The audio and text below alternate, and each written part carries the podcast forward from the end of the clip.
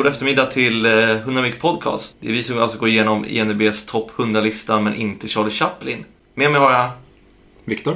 och idag gästas vi återigen av, Alexander. välkomna, hur mår ni? Jo men det är bra. Okej, Alex hur mår du?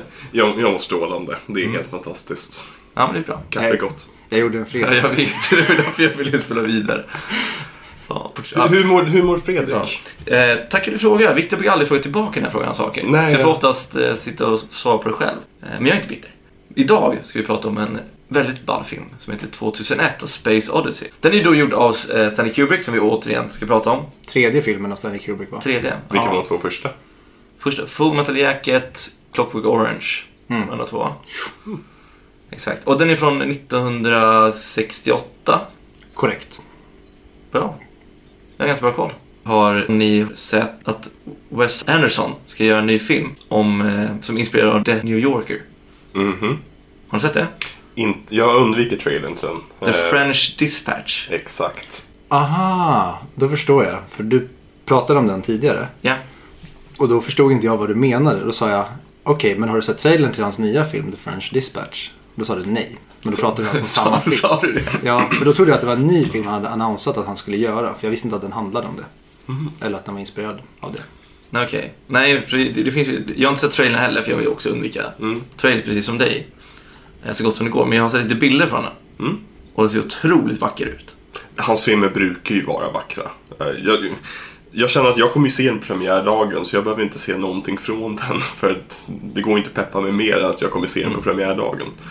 Men eh, jag är taggad. Jag, nytt Wes Anderson är jättekul och kul att han har kommit ur stop motion-träsket igen. Men jag tänker för de som inte har så bra koll på Wes Anderson. Mm. Victor, vill du säga lite filmer som han har gjort eller vad han är känd för? Hans tidiga filmer är väl ehm, The Royal Tenenbaums. Vad har han mer? Vad heter den? Uh, varför vill jag säga Rocketeer? Vad fan heter? Vilken? Rushmore. Bottle Rocket. Bottle Rocket och Rushmore var de jag båda tänkte på. Och sen så hade vi ju Darjeeling Limited. Life Aquatic. With, vad heter den? Steve Zissou. Sisu. Vem, vem har gjort eh, Budapest Hotel? Det är The han Grand som- Budapest. Ja, The Grand Budapest Hotel. Mm. Det är väl hans mest kända för gemene man där. Det var ju den största. Den Ja. fick ju massvis av priser och... Exakt. Mm. Vilken, skulle, vilken var det innan det? Life Aquatic. Inte Moonrise Kingdom. Moonrise Kingdom blev inte så jättestor. Är det så? Det tycker jag nog är hans bästa efter Grand Budapest. Oj. Eh, efter Isle of Dogs skulle jag säga. För jag tycker Isle of Dogs är den bästa efter Grand Budapest Hotel. Så pass? Mm. Den är väldigt bra. Jag tycker den har den har väldigt fina, eller fin, eh, fin skulle jag inte säga, men den har väldigt intressant eh, symbolik. Hela filmen är en symbol för någonting annat. Martin McDonald ska också släppa en ny film. Mm.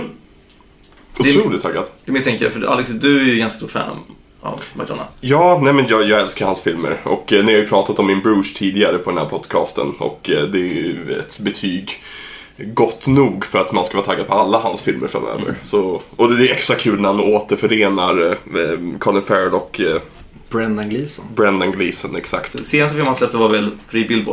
Yes. Outside of Ebbing, Missouri- Missouri.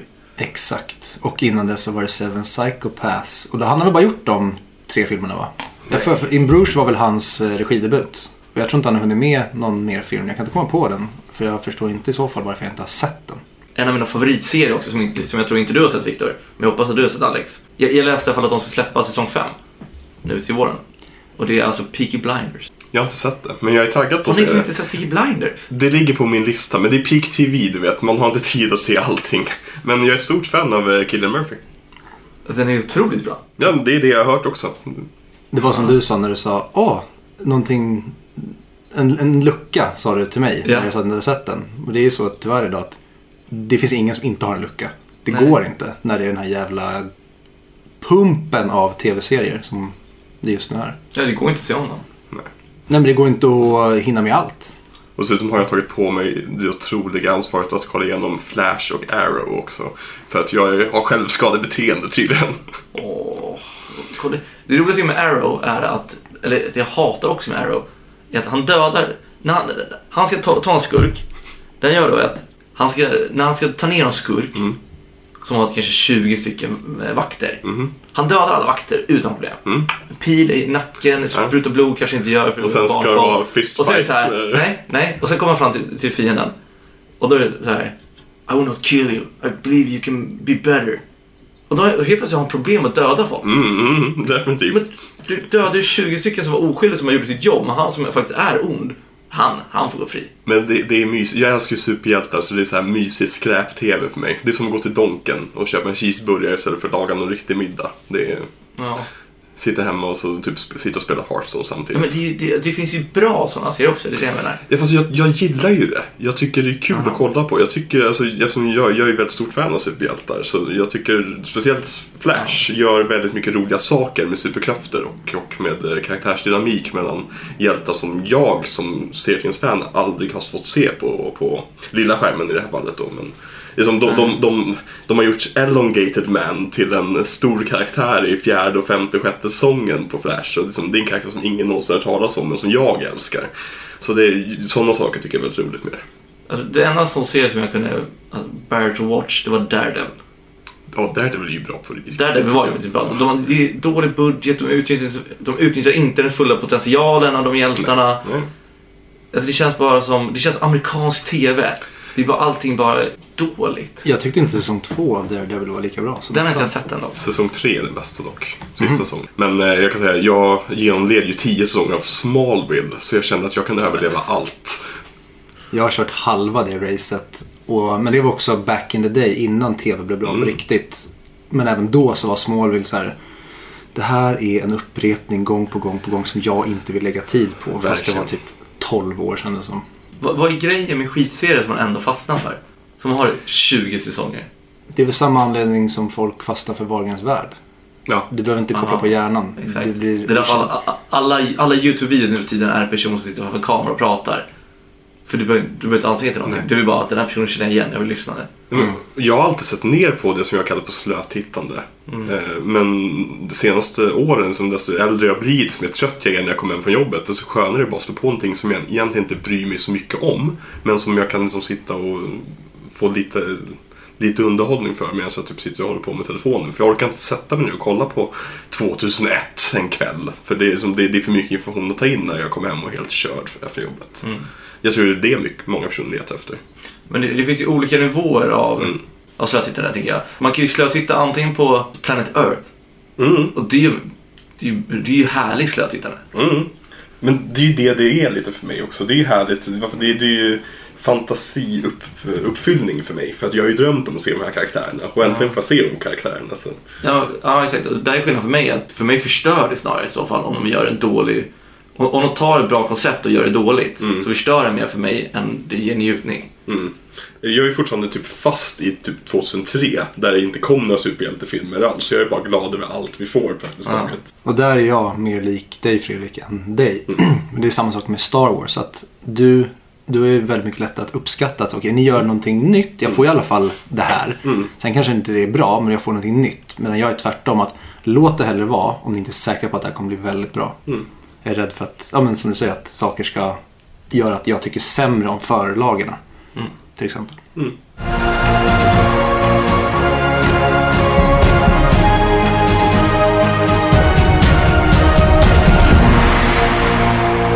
Jag fick meddelande från en av våra lyssnare och han skrev att eh, han hade missat session och eh, att han önskade att vi skulle prata lite om serier. Bra serier vi tycker om från 2019 som han kanske har missat. Så jag tänkte, så jag satte ihop en liten lista här på serier som jag har sett från, från 2019 och serier som jag vill se som då kom ut 2019. Har han, bad han specifikt om 2019 eller vill han bara tipsa på bra serier? Nej, 2019 jag tyckte det var en väldigt bra idé att eh, det kan vara kul att prata om året som har varit. Vilka bra serier kom då? Mm. Och då, då tänkte jag, för det, man kan ju prata hur länge som helst om tv-serieträsket. Så, så vi fokuserar oss på då, de som kom ut 2019, inte de som släpper nya säsonger 2019. Det låter bra det. De som jag kom på som jag har sett, som jag verkligen tyckte om. The Mandalorian, det har vi nämnt innan. Mm. Men den släpptes ju 2020 i Sverige. 2019 enligt EMDB. Fredrik? Hur har du sett den här? Jag har varit i USA. Har du det? Ja, under, under, nej, det var ju du! Exakt.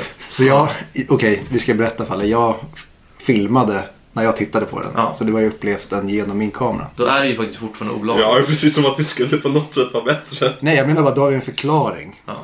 till polisen när de tar dig men inte mig. Fast Du- det är jag som har... Ja, det är ju dig de kommer ta i så fall. Jag, eh, The Boys, Har du sett? Mhm. Har du sett den? Jajamän. Sex Education som du skrev en artikel om, kom också ut. Den tyckte jag om. Chernobyl, fruktansvärt bra serie. Umbre- älskar den. Umbrella Academy Mm. och The Witcher som kom ut 2019. Mm. Sen, sen hittade jag tre serier som jag vill se från 2019. Watchmen, Morning Show och The New Pope. Watchmen är definitivt sevärd. Den är det. Och det är en serie som bara blir bättre och bättre eh, desto längre den går. Den kan vara lite seg i början men jag tycker man uppskattar den segheten sen när slutet och finalen väl kommer. Mm. Eh, så den, den kan jag starkt rekommendera till dig. Och jag skulle säga att det är en serie som mår bra av att plöja. Mm. För det var, för mig gjorde det att jag började tappa efter ett par avsnitt. För jag kände att vi är inte på väg någonstans. Mm. Sen så är det bara boom. Så att om man får de första avsnitten ganska... Om man ser dem bingear hela den serien tror jag den kommer vara ännu bättre. En annan serie från 2019 som jag inte har hört några prata om egentligen det är ju What We Do In The Shadows. Eh, Tv-serieversionen av eh, Taika Waititis briljanta vampyrkomedi. Pratade någon om filmen när den kom? Ja, den var lite indie-känd. Mm. Pratas väldigt mycket om i filmkretsar skulle jag säga. Det var så jag upptäckte den i alla fall. Men tv-serien, jag tyckte den var en väldigt bra uppdatering av materialet. Så de hade nya karaktärer men som fortfarande fyllde samma funktioner som de i filmen. Och eh, det var, mm, jag tror de gjorde en av vampyrerna till kvinna för att ja, göra lite mer dynamiskt. Och, nej men en väldigt bra upp, serieuppdatering av en väldigt bra film. Du har sett hela? Jag såg halva säsongen, sen så föll jag av för någon anledning, men jag tyckte om allting. Eh, Så jag ska nog fortsätta kolla på den när jag återaktiverar mitt HBO-konto. Ja, jag såg första avsnittet och tyckte jättemycket om det. Sen vet jag inte varför jag inte fortsatte se det. Det kan ha varit för att det bara var det som släpptes, sen glömde jag bort det. Ja, precis. Men vi kanske ska prata om dem som du eh, nämnde istället. Mm. Chernobyl, den kan man ju säga egentligen mycket som helst om. Det måste ju vara den bästa serien som kom ut 2019. Jag skulle säga att det är den bästa serien som kommit ut på väldigt många år. Det, det är Ja. sällan jag blivit så golvad av en serie. Förutom Band of Brothers då, men Jag har inte sett Band of nej, jag Brothers. vet. Ingen har jag gjort det. Det är helt sinnessjukt. Jag har sett halva Band of Brothers. Varför behöver jag säga det här varje gång? Du kan ju ge en chans Victor i alla fall. jag såg tills det började gå dåligt. Då kände jag att jag orkar inte med negativitet i mitt liv. Har man inte sett Chernobyl, det finns ju inget mer att säga än att se den. Verkligen. Det är absolut den bästa miniserien jag Ja. sett på hur länge som helst. Men se till att du har någon att krama efter att du har sett den filmen, äh, serien. Den är, den är mörk och man blir depp av den. Ja, och väldigt intressant för jag hörde någon som pratade om den och drog eh, paralleller till vad Kina gjorde idag med coronaviruset. Mm. Ja, men det finns väldigt många paralleller. Mm. Men jag gillar att just den grejen blev väldigt aktuell sam, samma år, inom Mm. citationstecken, som Tjernobyl kom. Just att det här med mörkläggningar av väldigt stora grejer. Och jag undrar vad, hur vi kommer se tillbaka på coronaviruset sen med det här i backspegeln. Om inte alla är döda. Ja, men exakt. Det handlar ju om att skydda statens eh, rykte utåt. Så Mm. de vill bara mörka alla siffror som de kan. Rädda ansikte. Ja, vilket känns ju dumt generellt eftersom, jag menar, varför? Det är väl snart tvärtom. Tja, vi behöver hjälp. Istället för att tappa en massa invånare och saker. För det handlar inte om nationens bästa, det handlar om din karriär. Två serier som jag tycker är väldigt bra är både Umbrella Academy och The Boys. De är, de är olika, men det är fortfarande två, enligt mig, nya takes på superhjältar-genren. Ni får gärna berätta om Umbrella Academy eftersom jag inte sett den. Mm. Umbrella Academy skulle man kunna säga är som en eh, remix av eh, X-Men. Det handlar om en, om en, eh, det handlar om en skola med, med ungdomar som hade eh, superkrafter.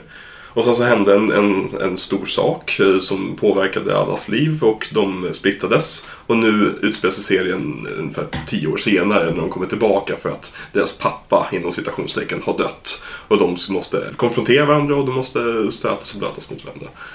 Ingenting jag är speciellt sugen på att se. Jag är mer sugen på att se någonting om apor. Det är faktiskt en apa med i den serien. Är De det? har Som en apbutler. Sjukt! Så bra! Den är insåld till Viktor. Jag visste det, det var, för jag tyckte den var väldigt snyggt CGI-ad för att vara tv-serie. Mm. Men jag tänker så här, av de scener som, som ni har sett 2019, Mm. vilken tror ni att folk kan ha missat och vilken tycker ni folk bör se? Den som jag tror är absolut lättast att missa eftersom den är på den streamingtjänsten som är minst populär, tror jag, i alla fall i Sverige. Det är Amazon och det är The Boys. Ja. Som jag nog nästan nu... Ja men efter Chernobyl så är det nog den bästa serien förra året. Oj. Det är nog den bästa superhjälteserien jag har sett. Om inte ni kan slänga in någon annan som rättar mig. Jag, jag vill lägga in Daredevil där och Jessica Jones säsong 1 i alla fall. Men eh, ja, nej, definitivt. The Boys är en av de absolut bästa. Ja, den är otrolig. Om vi bara ska sammanfatta den ni får ju rätta mig om jag har fel, men det handlar egentligen om man får se bakom kulisserna i typ Justice League. De, Det är ju en analog till Justice League rakt av. De Ja. har ju en Superman, de har en Aquaman, de har en Wonder Woman, de har en Flash. Som, ja, men vi får se bakom kulisserna på dem när de utåt sett mot folket och världen är de här uh, untouchable, våra typ gudar. Men när vi får se dem i deras vardagliga situationer så är de precis lika trasiga som vanliga människor. Jag vill slå slag för Umbrella Academy. mm. Jag tycker den är helt klart sevärd. Nej, jag vill inte säga mer. Kolla på den. Jag Ja. tycker den var jättefin gjord. Dansscenen i Umbrella Academy kan vara den bästa I första på många serier. Ja, jag tror det. Till, till Det- eh, Tiffany's I think we're alone now. Exakt. Mm. Otroligt bra. Så det är en fin scen också. Det är inte bara kul, kul dansnummer utan det är en fin scen rent som Ja. när, när de åker genom de olika rummen. Man får se hur alla barnen... Exakt. Ja, Det känns som en serie som gått under radarn. Mm. Mm, det var verkligen. I, Och jag- Och det är Netflix också så alla kan se den. Det var precis det jag skulle säga. Jag tror att det är på grund av att det är Netflix som den har glömts bort. För att hade den legat på HBO då tror jag den hade blivit mer hypad. För det känns som att väldigt mycket försvinner i det här enorma havet som Netflix har. Men det är nog den första serien på länge som jag har sett har gjort väldigt mycket analog reklam. Det Mm. både i Göteborg så hade det på alla... Det var många spårvagnar. Ja, och Pe- pendeltågsstationen och allting hade ju på Ja. sina skärmar Umbrella Academy. Så de försökte i alla fall med den. Det var snygg reklam. Mm. Do you have... eh, can you move water with your mind? Apply to this school. Så var det Umbrella Academy typ. Och vad vill du slå för Alex? Nej men jag vill ju skriva under egentligen på Umbrella Academy. Det, det känns som en serie som har gått lite under radarn. Eh, men också, jag tror Många kan ha svårt att ta till- sig Chernobyl. Att de har hört att den ska vara jättebra och allt sånt där. Men att, nej, det är, det är nog min favoritserie i år. Jag var helt sänkt dagen efter jag såg den, kan jag säga. Ja, otrolig serie. Och det är väl det som kanske folk kan vara allergiska mot. Om, om ni har svårt för serier som inte brinner i hög hastighet Nej. så kan det där, kanske inte är en serie för dig. Nej, kolla på Chernobyl om ni inte har gjort det. Punkt slut. Tack och hej.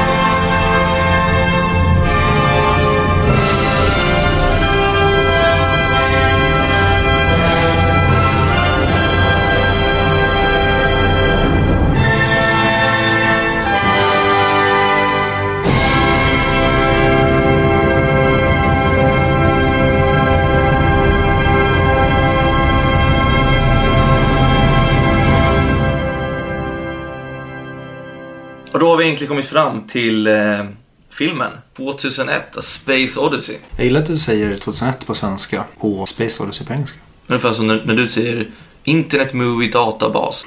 Jag sa det en gång. 2001, en rymdresa. Är det inte ett rymdäventyr? Ja, Det kan var ett rymdäventyr. 2001, A Space Odyssey. Stanley Kubrick. Ja, för visst är det inte Ku- Kubrick som, som man brukar kalla mästaren av stämning? Mhm. Om inte så vill jag mynta det. Ja, vi kanske inte behöver prata jättemycket om just Kubrick även fast det finns väldigt mycket att prata om vad Kubrick väljer att göra här. Ja, men jag tänker innan vi går in för mycket på filmen så sa du någonting väldigt bra Viktor. För det finns ju, Tack. för en gångs skull, Precis. Eh, Det finns ju väldigt, väldigt mycket teorier, väldigt mycket olika saker. Vad betyder den här filmen? För den är väldigt flummig. Men vi kommer försöka hålla oss borta från så mycket teori som möjligt och mer fokusera på frågorna. Ja, för det går att spekulera i all evighet men det, är det, det finns inga svar.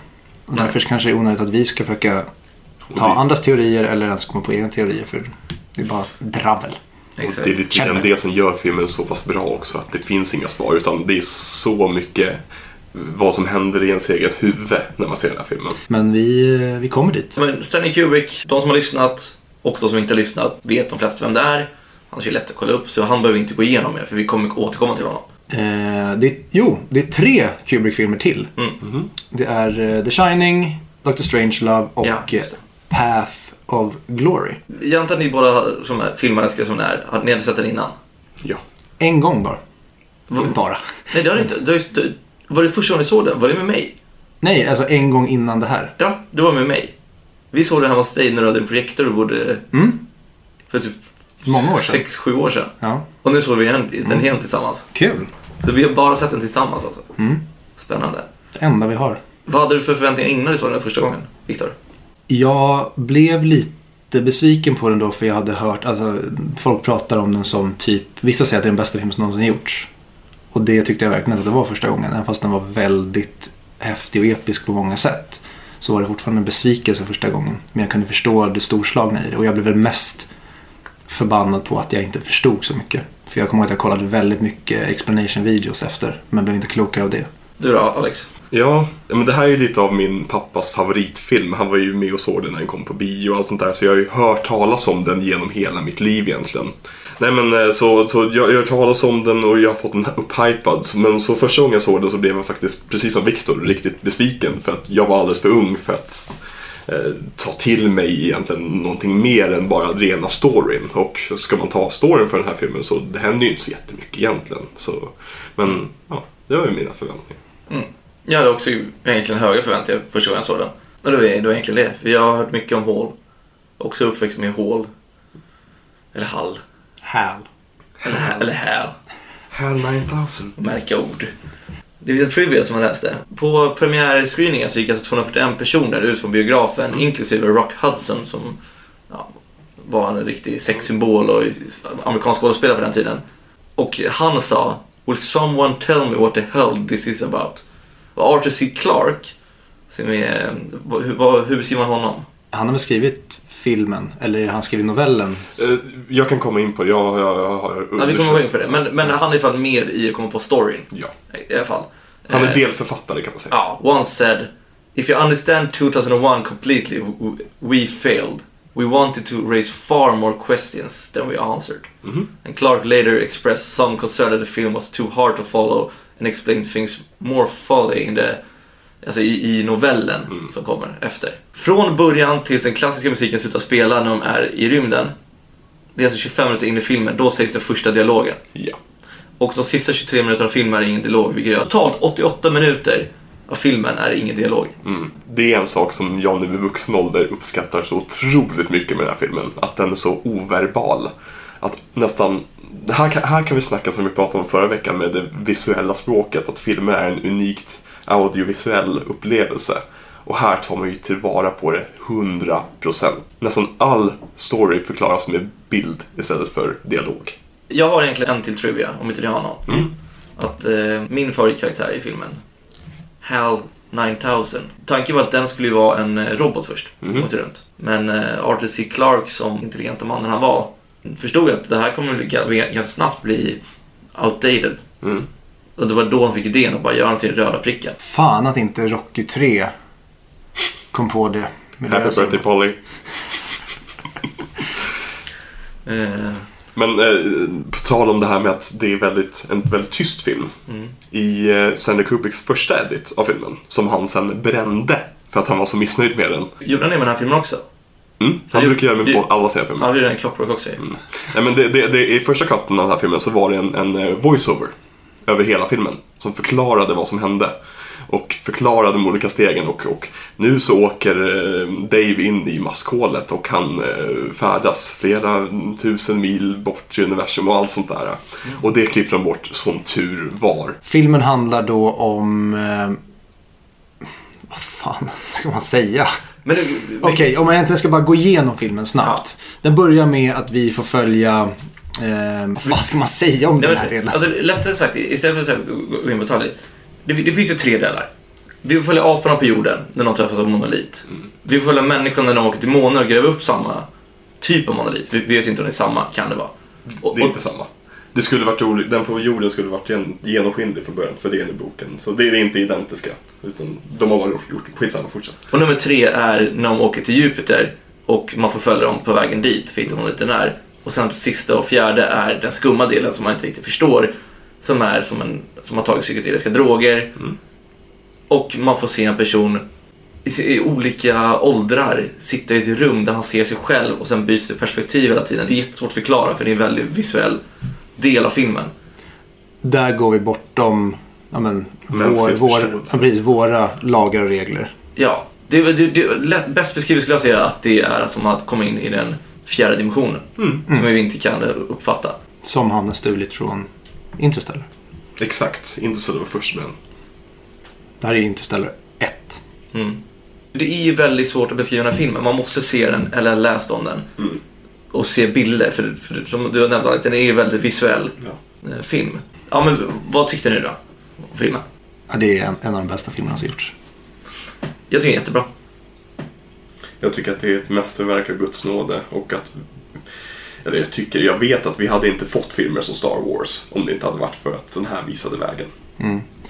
Intressant grej som jag, det är också, den, den blowar my mind ju mer jag läser om den. Men just att till exempel Star Wars har fler specialeffekter än den här. Mm. Det kan jag inte wrap my head around för att än idag med tekniken som vi har, eller när jag vet att den här tekniken som vi har idag inte fanns då, så blir den här filmen ännu mer... Det går inte att förstå hur fan han fick ihop det här. Vill du veta något ännu sjukare?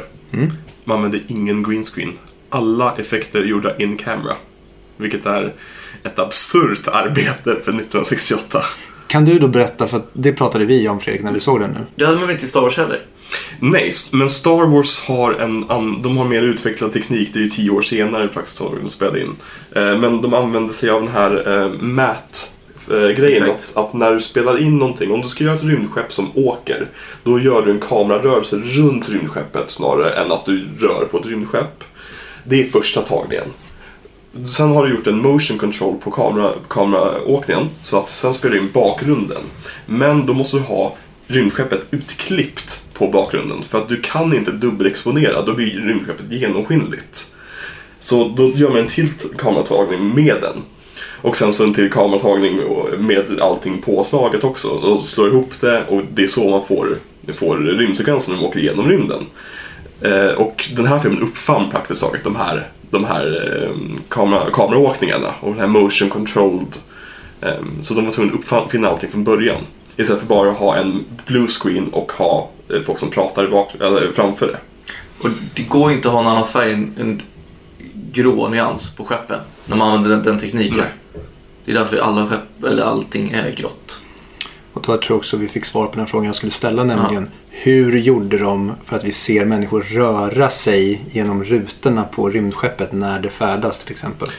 Det är för att de, de har spelat in en liten film som sen de minimerar och lägger in i exakt den lilla vita rutan de har klippt ut ur det. Och det, och det, är en, det är en sak som är, som är värt att hylla med den här filmen. är just alltså, alla de här specialeffekterna, allt som är nytt. Som vi pratar om. Dock, den har ju börjat åldras lite grann när det kommer till... De använder ibland ett, en eh, cardboard cutout av rymdskeppet istället. Och man ser hur skuggorna inte rör, rör sig riktigt på sig. I början till exempel. Eh, Men den är gorgeous överlag. Ja, jag skulle nästan kunna säga att det är den filmen som jag kan komma ihåg som har åldrats bäst. Mm. Ja, jag finns med också. Jag tycker den håller bättre än de andra som vi har sett. Alltså det är ingen film jag kan tänka som är i alla fall gammal eller äldre som jag tänker att den här, fan i helvete, den har åldrats bra. Tänker jag på Star Wars. Mm. Då har de ju behövt piffa upp massa grejer. Mm. Till exempel lasersvärdens teknik och det. Och den här, det är väl kanske därför Kubrick är bäst också. För att han vet vad, alltså begräns... så här, Okej, det här vill jag göra. Det funkar inte riktigt. Och då skippar vi det. Utan vi använder bara saker som funkar. Men bara som sån sak som att i början tänkte han ju använda aliens i dräkter för att vara de aliensen han stöter på. Men sen så kom Arthur C. Clarke på det här att, nej men, nej, Carl Sagan kom faktiskt på det. Att om, om det finns intelligent liv där ute i universum, då kommer det inte likna på något sätt det livet som vi upplever. De kommer antagligen vara ofysiska varelser. Och om de var fysiska så varför skulle de exponera sig för oss? Ja. Om de nu vill plantera någonting eller få oss att göra någonting då kommer de göra det så subtilt och smidigt som det går. Mm. Om de nu är above oss. As beings. Men som referens, kan vi nämna lite andra filmer som gjordes samma år som man vet ungefär hur andra filmer såg ut för, för att kunna lyfta fram hur snygg den faktiskt är för sin tid? Apornas planet, vilket för övrigt är en skitsnygg film. Jag såg den för första gången för två år sedan och blev faktiskt rätt tagen över hur bra sminkarbetet är där. Jag tror den slog 2001 på Oscarsgalan det året. Men kan vara värdigt, kan inte, jag vet inte. Det är upp till historiker att prata om. Men Har vi några fler filmer från 68 som vi... Eh, filmer Rosemary's Baby är en av de mest kända. Night of the Living Dead. Mm. bra år för skräck. Svenska titeln är Harmonica men som den heter på riktigt är Once upon a time in the West. Det är filmer det finns otroligt mycket att prata om. Min överlägsen favorit i filmen är Hal-delen. De är på rymdskeppet på väg till eh, Jupiter. HAL 9000. För det kan nog vara bland de mest välbyggda karaktärerna kanske man säger. Kar- AI-karaktärerna som jag vet om. Det enda som toppar den skulle vara en AI-dator i en bok som heter Robopocalypse. Mm. Eh, men annars skulle jag säga Hal är perfekt. Mm. Det som Kubrick gjorde med HAL, det var ju det att han såg till att HAL skulle vara den mest intressanta medlemmen av crewet. Människorna pratar väldigt styltigt och eh, diplomatiskt och de pratar väldigt fackligt om de här problemen som de möter. Medan HAL är ju Oh Dave, You. Eh, Han, han har mycket känsla i språket. Vilket gör så att HAL blir vår känslomässiga knutpunkt. Jag tycker inte han har så mycket känsla i språket. Jag tycker, jag, jag tycker det är det som är underbart med. Han har ju mest känslor, men han har inte så mycket känslor. Men han är ju mycket mer än astronauterna. De är ju väldigt raka och hårda. Tycker han är väldigt känslomässig för att vara en robot. När han börjar sjunga, när han håller på att dö till exempel. Han är ju den enda som genom hela filmen uppvisar rädsla för det som kommer hända. Oh no. Men det intressanta med Hal är att han, jag skulle inte kalla det känslor. Du vet snarare att det verkar som, ah, hur fan ska man beskriva det? Det är, det är någonting, du har, du har ju rätt i det du säger. Han är ju varmare än de andra. Jag vet Ja, inte om det är en jo, känsla. men han är, man, hör, man hör ju det iskalla i honom. Ja, jo, Just att det är bara en stillbild på en röd prick som pratar. Man vet ju, och ska man jämföra med, ja, dålig parallell att dra en film på, men spelet Portal 2 så finns det en person som heter GLaDOS Mhm. som är en AI-robot. Hon har ju mer känsla i det. En ironisk känsla, alltså språk hela tiden. Här pratar ju normalt, men man märker att det är någonting bakom som är fel. Det är någonting iskallt. Mm. Det är en robot. Jag tror det kan också ha mycket att göra med att vi är vana lite mer med AI-röster. Eh, Och när, när den filmen gjordes 68 så var det som en AI-röst var ju helt- någonting helt otänkbart. Så jag tror att bara att den inte var Thank you Dave, I will eh, complete this task. Bara att det inte var den typen av röst gör, alltså, är nog eh, som känslomässigt nog för den tidens publik. Jo, men, men jag tänker mer om vi fokuserar på hur det var alltså, nu när man Mm, mm. Jag håller med där, men som jag säger om eh, passagerarna. De är ju väldigt styltiga på ett sätt. Man, man märker direkt på deras blickar, de är, de, någonting är fel. Men de, de vågar ju inte heller riktigt. Det är det jag tycker är snyggt. Ja, De förstår ju att de är övervakade. precis. När, när de inser att vänta, vi måste prata om det här men vi, det finns inget ställe vi kan riktigt prata om det här på. Nej, exakt. Jag tycker han har Härlan väldigt var, alltså in, varm inom citationstecken men varm och pedagogisk röst. Det, han känns hela tiden trygg men som du säger det ligger någonting underliggande för oss. Men för karaktärerna så är han väldigt varm och god. Vad är det som tynger dig? Men eftersom vi pratar HAL, jag vill veta vad din teori är varför han blir galen. Hur tolkar du HALs mordförsök? Jag, jag, jag har inte tolkat den. Vad, tolkar du, vad, vad, vad, vad känner du händer i filmen när HAL vill mörda astronauterna? Varför vill han göra det? Hal vet någonting som inte vi vet. Som inte vi vet. Okej. Säger de inte det? Ja, Eller, Jo, vi jo måste det vet jag också för de avslöjar saker vad uppdraget är. Men jag, alltså, jag tror det helt enkelt är så här, eftersom vi vill ju, vi kan prata oss galna på teorier, sitter i fem timmar. Men jag tror bara är att han, han vet om någonting och han räknar ut själv att det här är bästa sättet att klara av det på. Mm. Att människorna måste bort för att annars kommer det här misstag, äh, uppdraget misslyckas. Att monoliterna kommer göra, eller monoliten kommer göra människorna galna. Mm. Jag kan göra det bättre. För det är det som en AI är. Mm. Att AI kommer ju göra uppdraget bättre och, de och han anser att de är för stor risk för uppdraget. Mm. Definitivt. Det tror jag. Men jag skulle också vilja säga att det är en, alltså om man inte ska vara så kalkylerande, att han egentligen bara börjar leka gud. Han börjar testa vad han kan göra. Mm.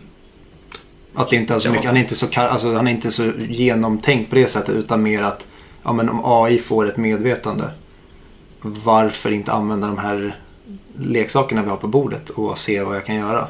Mm. Och så spelar han egentligen ut sitt sin teater och leker fram dem. Men jag är mer inne på det ni precis har sagt. Ja, för det- bristfälliga är där, att då är det väldigt osmart av. Jo men då han säger, han kan ju ha brister också. Nu har han ju en brist som han själv har planterat. Men han skulle lika gärna kunna ha en brist i form av att när han bara spinner iväg så får han för sig grejer. Jag har alltid sett det som, eh, som du ser det. Men den här tittningen så upptäckte jag, eller vad jag såg som att Hal blir rädd när de börjar prata om att stänga av honom. För att Hal ser sig själv som det enda som gör så att uppdraget kan fortsätta, precis som du var inne på. Och om de kommer stänga av honom så kommer uppdraget att misslyckas. Så han gör allt i sin makt för att hindra dem att stänga av honom. Vilket i sin tur kommer göra så att uppdraget misslyckas också. Det är en slags datorkompetens eh, som går igång att shit, jag kan inte bli avstängd. För att jag är det enda som kan få det här att funka.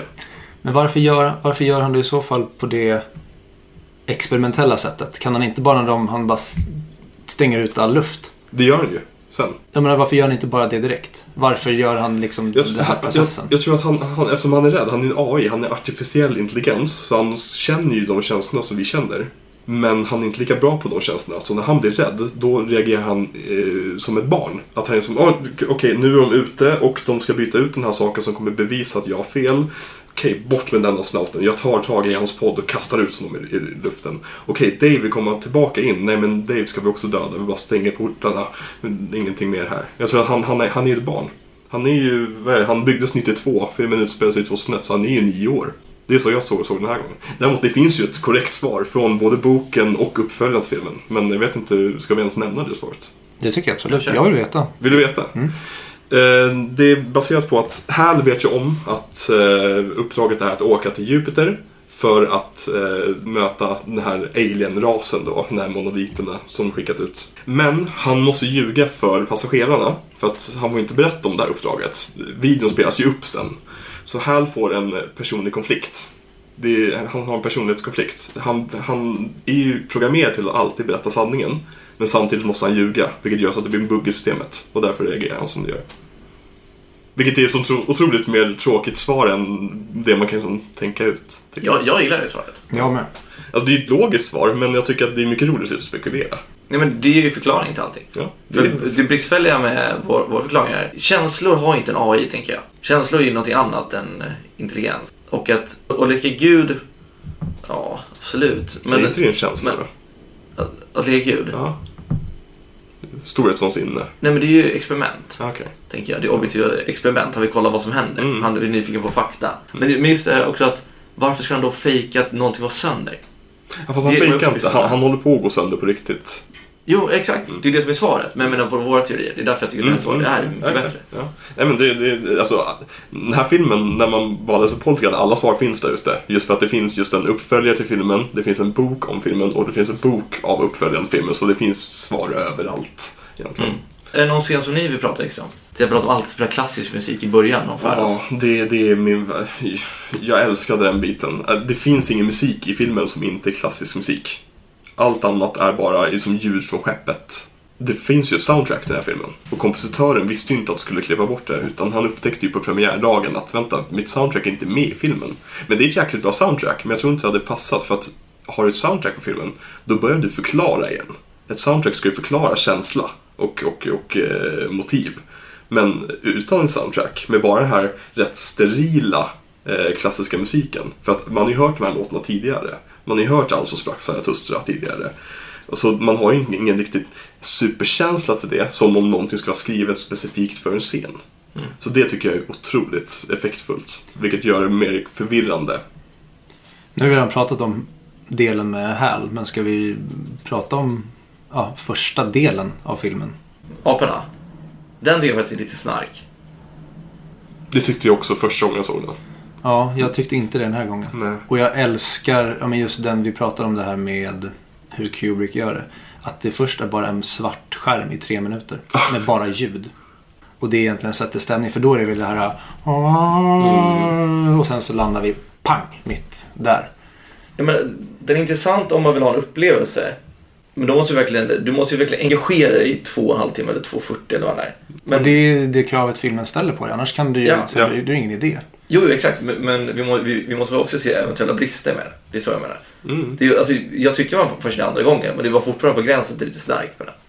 Tycker jag. Ja, men jag, jag kan definitivt, alltså, i och med att jag varit i ditt perspektiv så kan jag definitivt förstå det. Mm. För det händer, händer ju ingenting inom citationstecken. Det är bara naturbilder och sen så folk som hoppar runt i, idag lite halvdant gjorda djurdräkter. Ja. Eh, man väntar ju på att filmen ska komma igång då istället. Men du tycker inte att det funkade bättre nu andra gången du såg den? Jo, definitivt. Men det, det här är en film, du måste, alltså, du måste sätta den en gång för att uppskatta den. Ja, riktigt.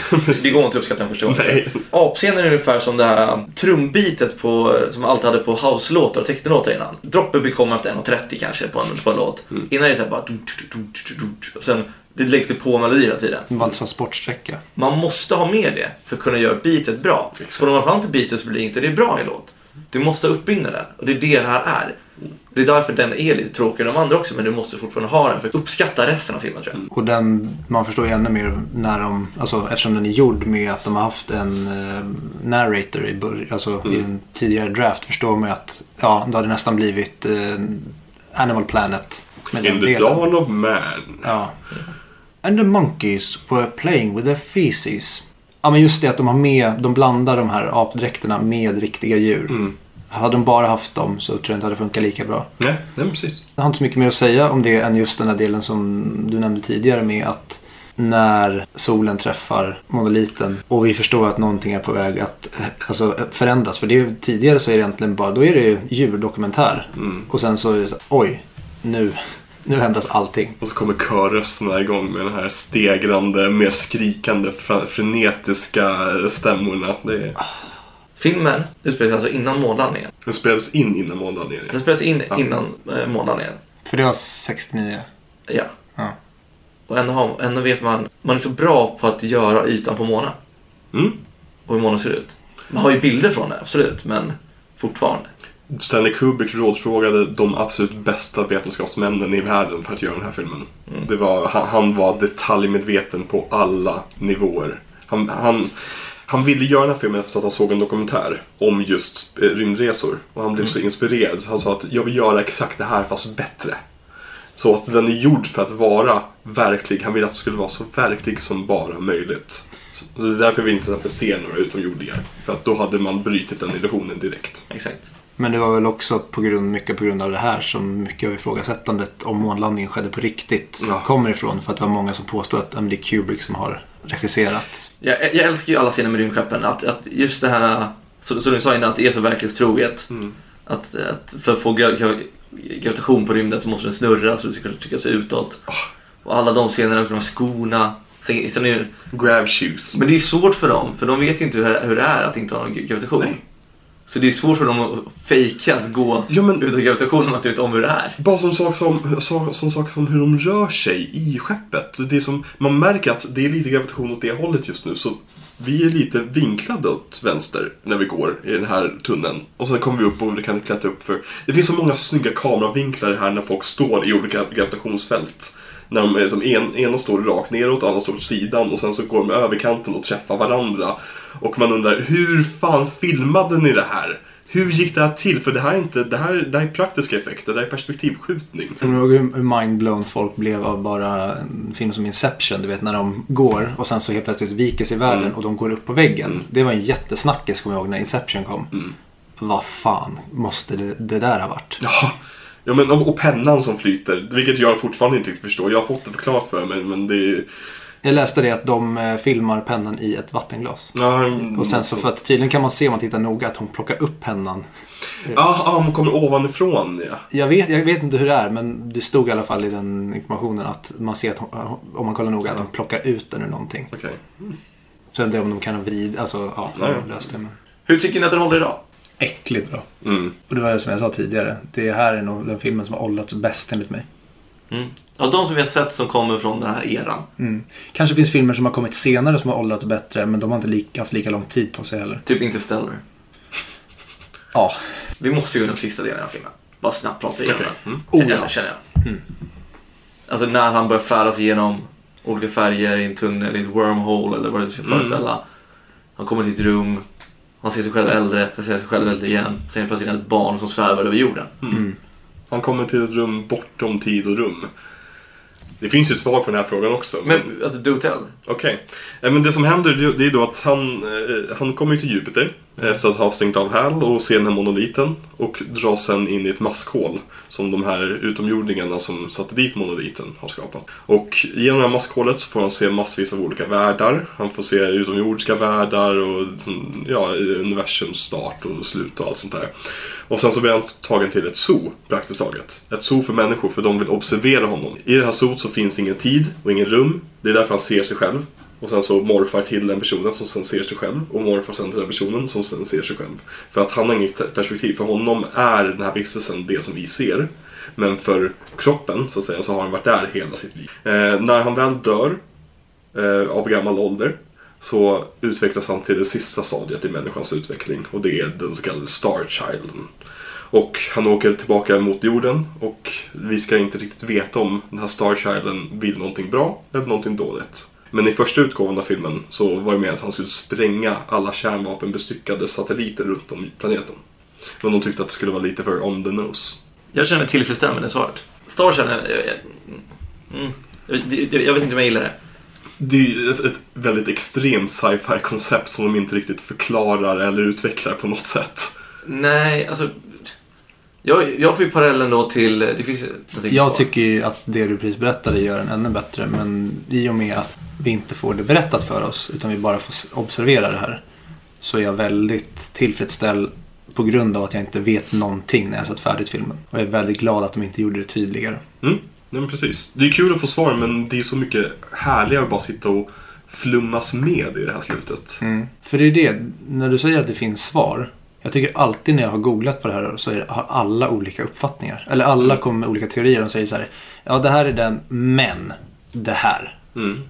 Jo, alltså och man, det här är ju taget från boken oftast. Och boken är ju sk- färdigskriven efter filmen blev färdig. Och det är också taget från uppföljaren till filmen 2010. Och vi vet inte hur mycket vi vill räkna in dens existens i kanon. Men allt det här förklaras i de, de delarna. Är den gjord av samma personer på något sätt? Det är samma skådespelare. Men det är, eh, det är inte Kubrick som, är, som har gjort den. Mer samma Produktionsteam. Produktion, författare. Jag tror det var, alltså eh, Arthur C. Clarke skrev ju eh, grundidén till manuset för tvåan. Eh, för den är baserad på hans bok som uppföljaren då. Men annars så, nej jag tror att det är, rätt, det är, det är samma studio liksom. Och det var ju menat som en uppföljare. Och det, det är ju en ren uppföljare. Dave är ju med och dyker upp igen och allt sånt där. Jo, jag är glad att du berättade de här grejerna från boken. Men samtidigt, den har inte gjort med någonting och fortfarande svävar i ovisshet. Nej. Det är det som är så bra med filmen.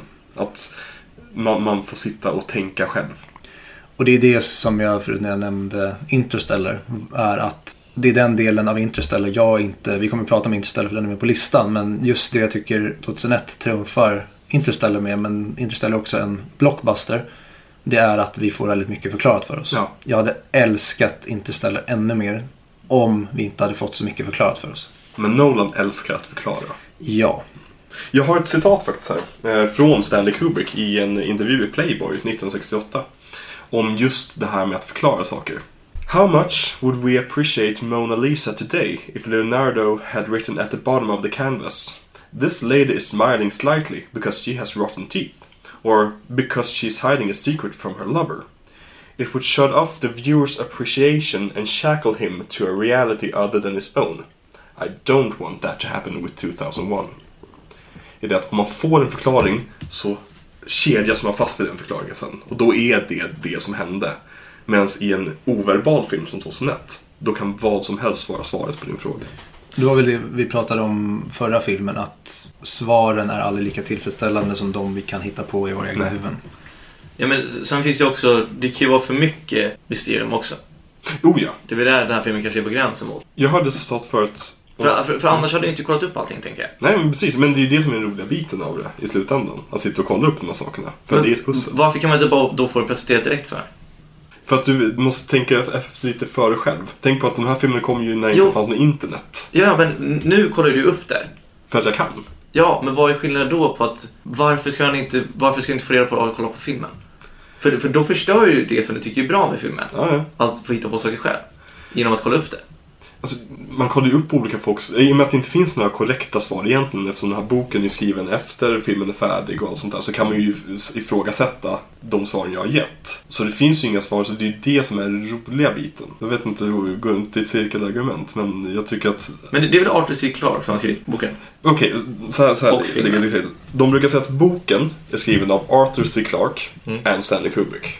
Men filmen är skriven av Stanley Kubrick and Arthur C. Clarke. Ja. De samarbetade under processerna och de kom fram till grundstoryn tillsammans och de tog delar från tidigare verk från Arthur C. Clarke. Men i slutändan så är det Kubricks film och det är Arthur, Arthur C. Clarkes bok. Men de var väldigt satt i- ihop eh, svetsade. Mm. Och det är väl det vi kan man ju se sen när vi, alltså på The Shining. Att ja, vi har en bok, The Shining. Men Kubrick tar det och så gör han precis vad fan han vill med det. Mm. Så att han är inte alltid trogen till förlagan eller det som personen som har kommit på idén har gjort utan han tar det och så gör han sin egen take på det. Om det roliga är mysteriet, Mm. då bör man egentligen inte heller kolla upp det. Nej, och det är väl det som är... För, för, för jag håller inte med. Jag vill ju få reda på saker. Ja, och jag är likadan. Jag älskar att sväva i ovisshet och inte veta.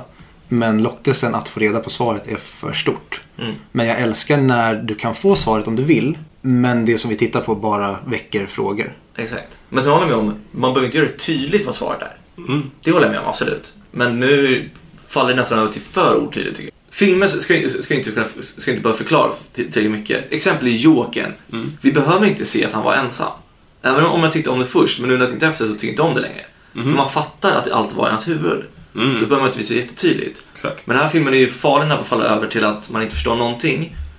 Och, då, och för- och tjusningen med den som ni beskrev är att man måste komma på allting själv. Men det tappar man om du måste kolla upp det. Så kommer du över till en viss brytgräns, Mm. att du, att du inte får tillräckligt med ledtrådar. Då kommer du inte kunna kolla upp det. Då kommer du behöva kolla upp det och inte ha kvar den magin att skapa Mm. mysteriet själva. Förstår ni? vad? Ja, men jag tror att d- filmen är inte skapt för att du ska kolla upp svar. För att när filmen kom Nej. så fanns det ju inte möjlighet att kolla upp svar. Utan det är ju, du ska ju sättas i samma stol som astronauterna. Det, det ska ju vara en resa för dig, lika mycket som det är för de astronauterna i filmen. Så ditt oförstånd över vad som händer är astronauternas oförstånd över vad som händer. Ja, men argumentet att filmen är... Man ser på filmen så som det är nu. Ja. För det går att säga att film var bra när det kom ut, men det är omöjligt att säga för allting handlar om hur det är nu. Det är, så jag blir med filmerna. Okej. därför vi är väldigt olika med gamla filmer. Alltså, därför jag inte gillar svartvita filmer, för jag tycker inte de är lika bra generellt. De saknar färg. Ja, förutom när det är med flit, men då, är ju, då finns det en anledning bakom det. Ja. Men när det finns teknologiska brister så förstör det. Ja. Men just att man, man vill skapa mysterier själva men ändå kolla upp det. Mm. Det finns någon brist i den logiken menar jag. Det är väl en paradox bara. Ja, det är en paradox av vårt moderna samhälle. Att vi vill, ha ju sva- vi vill ha svaren hela tiden. Men på den tiden när den kom, alltså, det var ju bara nördarna som grävde ner sig. De flesta satt ju bara och var Nej, nej, mindblown men, jag, jag som, som du sa nu om filmen. Att det som är bra med den är att man får skapa det själv. Ja. Men varför kollar du då upp svaren? Varför jag? För att jag är nyfiken och jag är Ja. en nörd. Men då förstör ju vad som är bra med filmen. Ja, ja, definitivt. Jag borde ju inte kollat upp det. Nej. Nej, nej, självklart inte. Men man kan fortfarande ha två bollar i luften Oh, oh, ja, oh, ja. Men det, det, är, det är samma sak med tro, trolleritricks. Mm. Man vill ju veta hur det går till, men om man vet hur det går till så suger trolleritricket. Exakt, man vill men man vill inte också Ja, samtidigt. Mm. och det, det, det är där som jag tycker att den här filmen är farlig, när man faller över brytgränsen till att man får för lite svar, så du måste ju kolla upp det. Mhm. Snarare att du får du tillräckligt med ledtrådar, då kan du sitta och gissa och då är det fortfarande kul att sitta och gissa. Jag skulle säga att den- man, man måste inte kolla upp svaren för jag tror de flesta personer nöjer sig helt bara, alltså gemene man. Vi, får, alltså, vi är ju inte normala filmtittare på något sätt egentligen. Utan vi blir ju triggade av den här filmen. Mm. Och liksom, Mm. Medan eh, min farsa när han såg den han var tio år på bio, han satt ju bara och var amazed över det här. Mm. Han, han satt ju inte och tänkte okej nu ska jag prata med min, min, min kompis eh, Per-Ove här imorgon om, om exakt vad det var som hände. Utan jag tror när de såg så skulle diskutera dagen efter, då var det ju bara Herregud, de var i rymden på riktigt! Jag gillar att se saker ur sitt eget perspektiv och ur, ur sin egen kontext. Det är väldigt viktigt för mig, till exempel när man lyssnar på Beatles. Att det är väldigt simpel musik i början, men det är också den musiken som gör så att vi har den musiken vi har idag.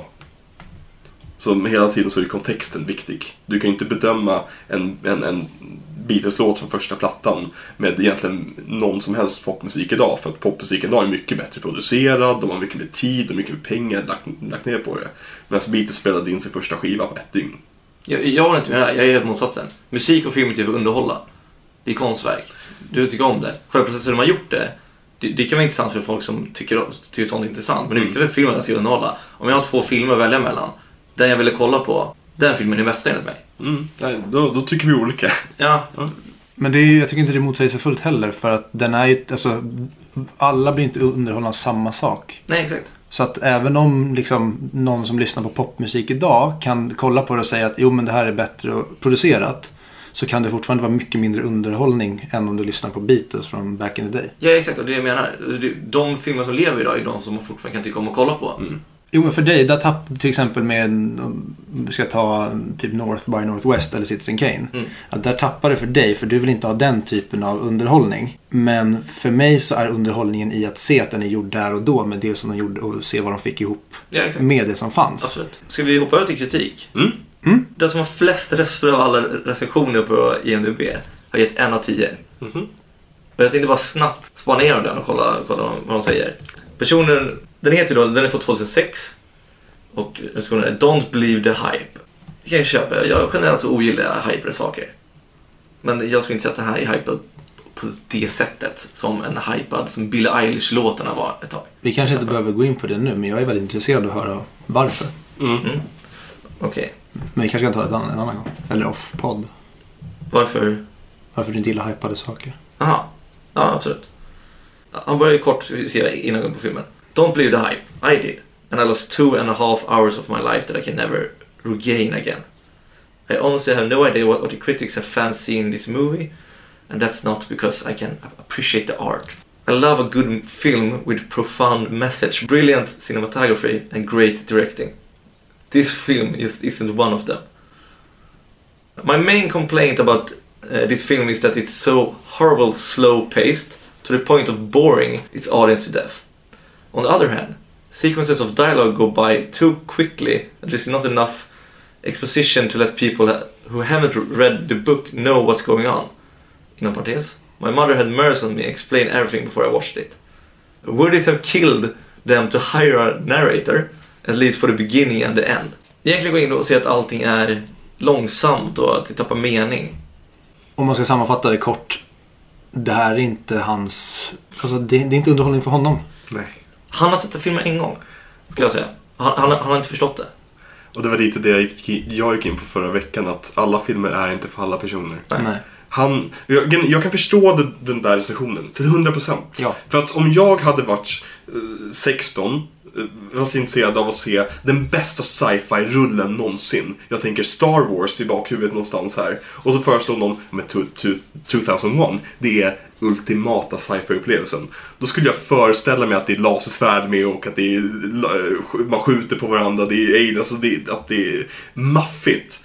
Och så slår jag på filmen och så är det tyst, nej, och så är det mörkt i tre minuter först. Så, och sen kommer en icke-verbal del om apor som dödar varandra och hoppar runt. Och jag skulle ju bli- blivit galen om någon hade hypat upp den på det sättet som den här är upphypat.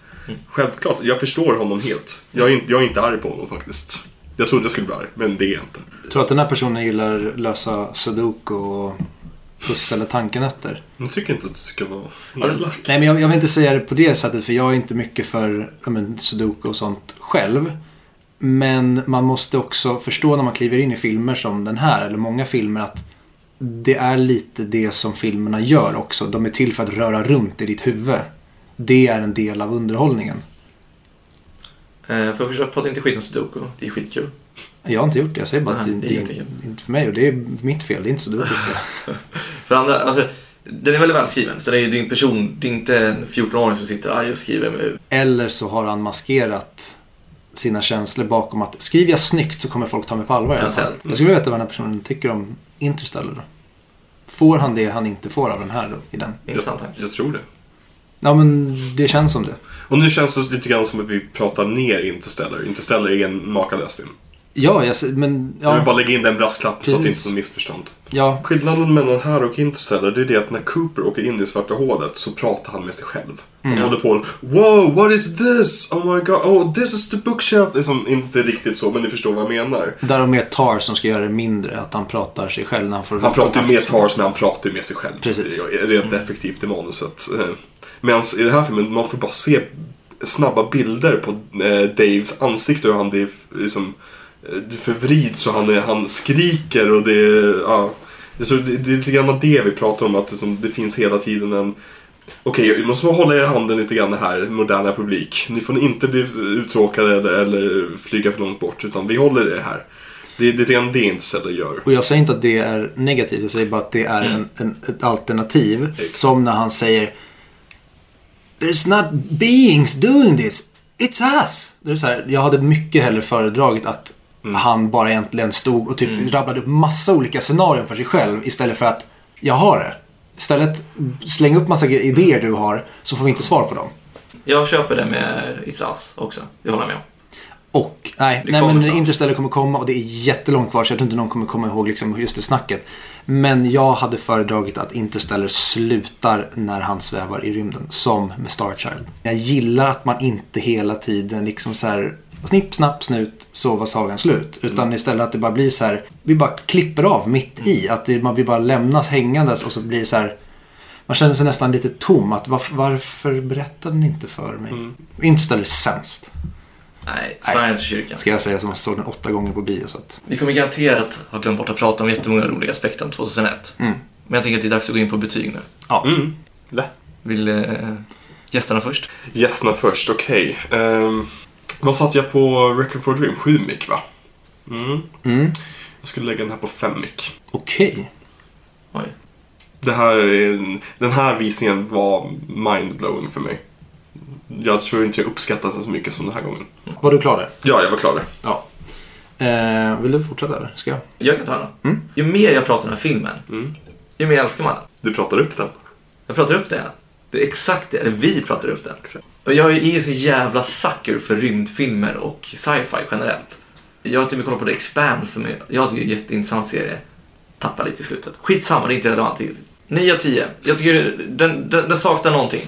Jag brukar, jag brukar ha en, en princip att ha, är inte självklart att det är en 10 av 10, då kan det inte vara en 10 av 10. Det finns inget att argumentera upp en film till 10 av 10. Det är, det är någonting som saknas för mig i den här filmen. Så jag- den får 9 av 10, men jag tycker det är 20 mick. 20 mick, 30 mick, 25 mick landar det på.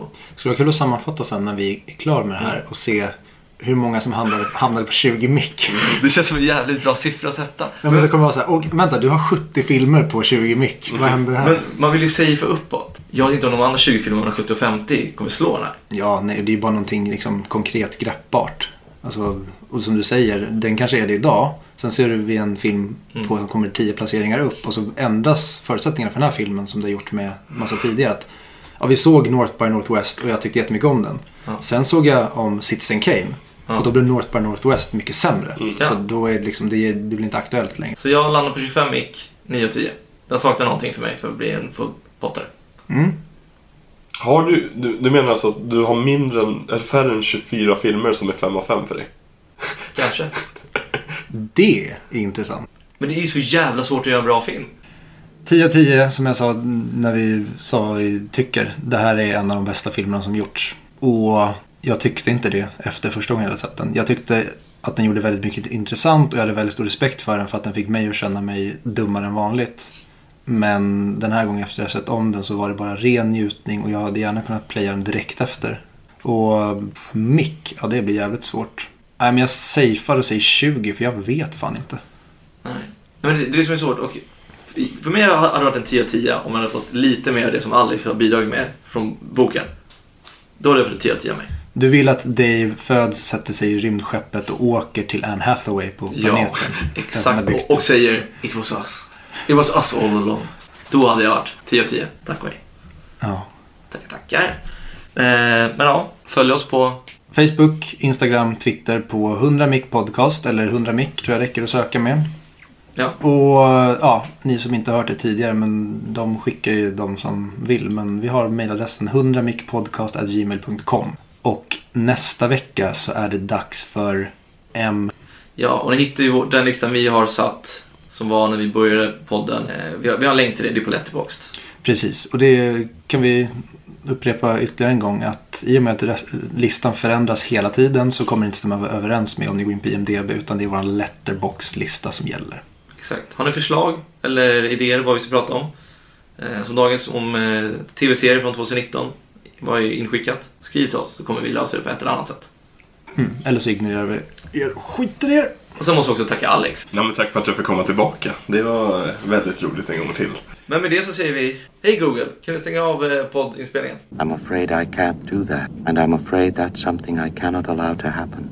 Although you took very thorough precautions in the pod, this conversation can serve no purpose anymore. Goodbye.